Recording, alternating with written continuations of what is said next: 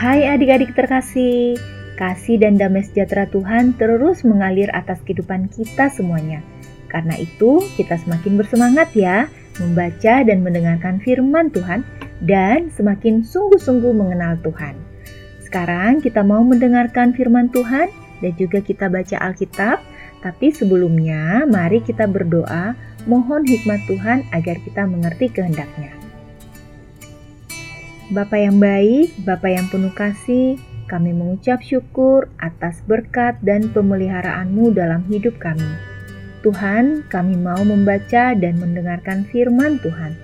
Tuntun kami agar menjadi anak yang menyenangkan hati Tuhan dan semakin rindu mengenal Tuhan.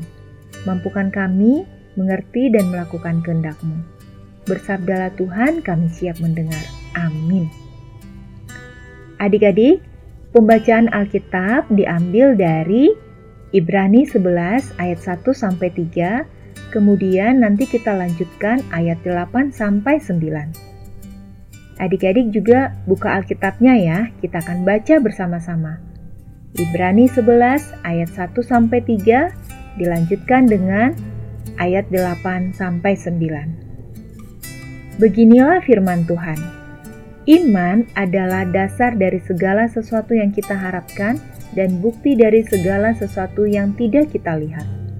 Sebab oleh imanlah telah diberikan kesaksian kepada nenek moyang kita. Karena iman kita mengerti bahwa alam semesta telah dijadikan oleh firman Allah.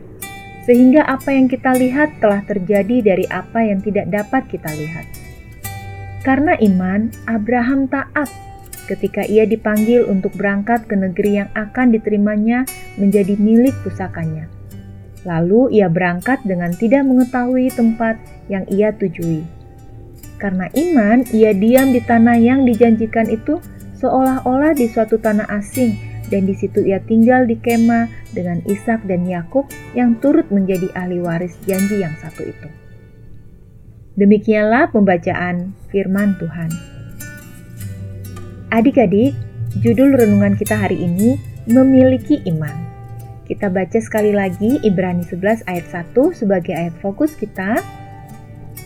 Iman adalah dasar dari segala sesuatu yang kita harapkan dan bukti dari segala sesuatu yang tidak kita lihat. Adik-adik, tadi kita sudah baca ayat yang mengatakan bahwa iman adalah dasar dari segala sesuatu yang kita harapkan dan bukti dari segala sesuatu yang tidak kita lihat. Dengan iman, kita bisa melangkah dan terus berpengharapan kepada Tuhan bahwa apa yang kita harapkan akan Tuhan genapi sekalipun kita belum melihat tanda-tanda akan tergenapi. Seperti Abraham, taat akan perintah Tuhan dan melangkah mengambil tindakan iman sekalipun dia tidak tahu tempat yang ia tuju.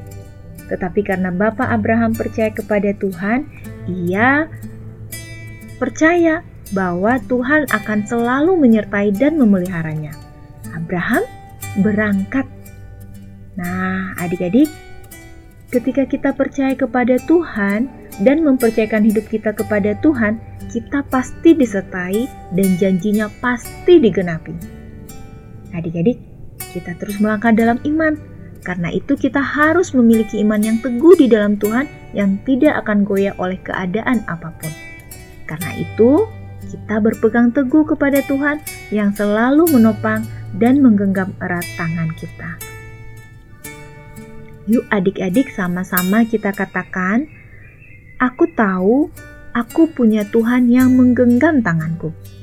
Sekali lagi adik-adik, dengan sungguh-sungguh kita katakan, Aku tahu aku punya Tuhan yang menggenggam tanganku. Mari kita berdoa. Bapa di surga, genggam tangan kami dan tuntun kami selalu dalam menjalani hari-hari kami. Terima kasih ya Tuhan. Dalam nama Tuhan Yesus, kami berdoa. Amin. Demikian renungan firman Tuhan hari ini. Sampai jumpa dalam renungan berikutnya. Tuhan Yesus memberkati.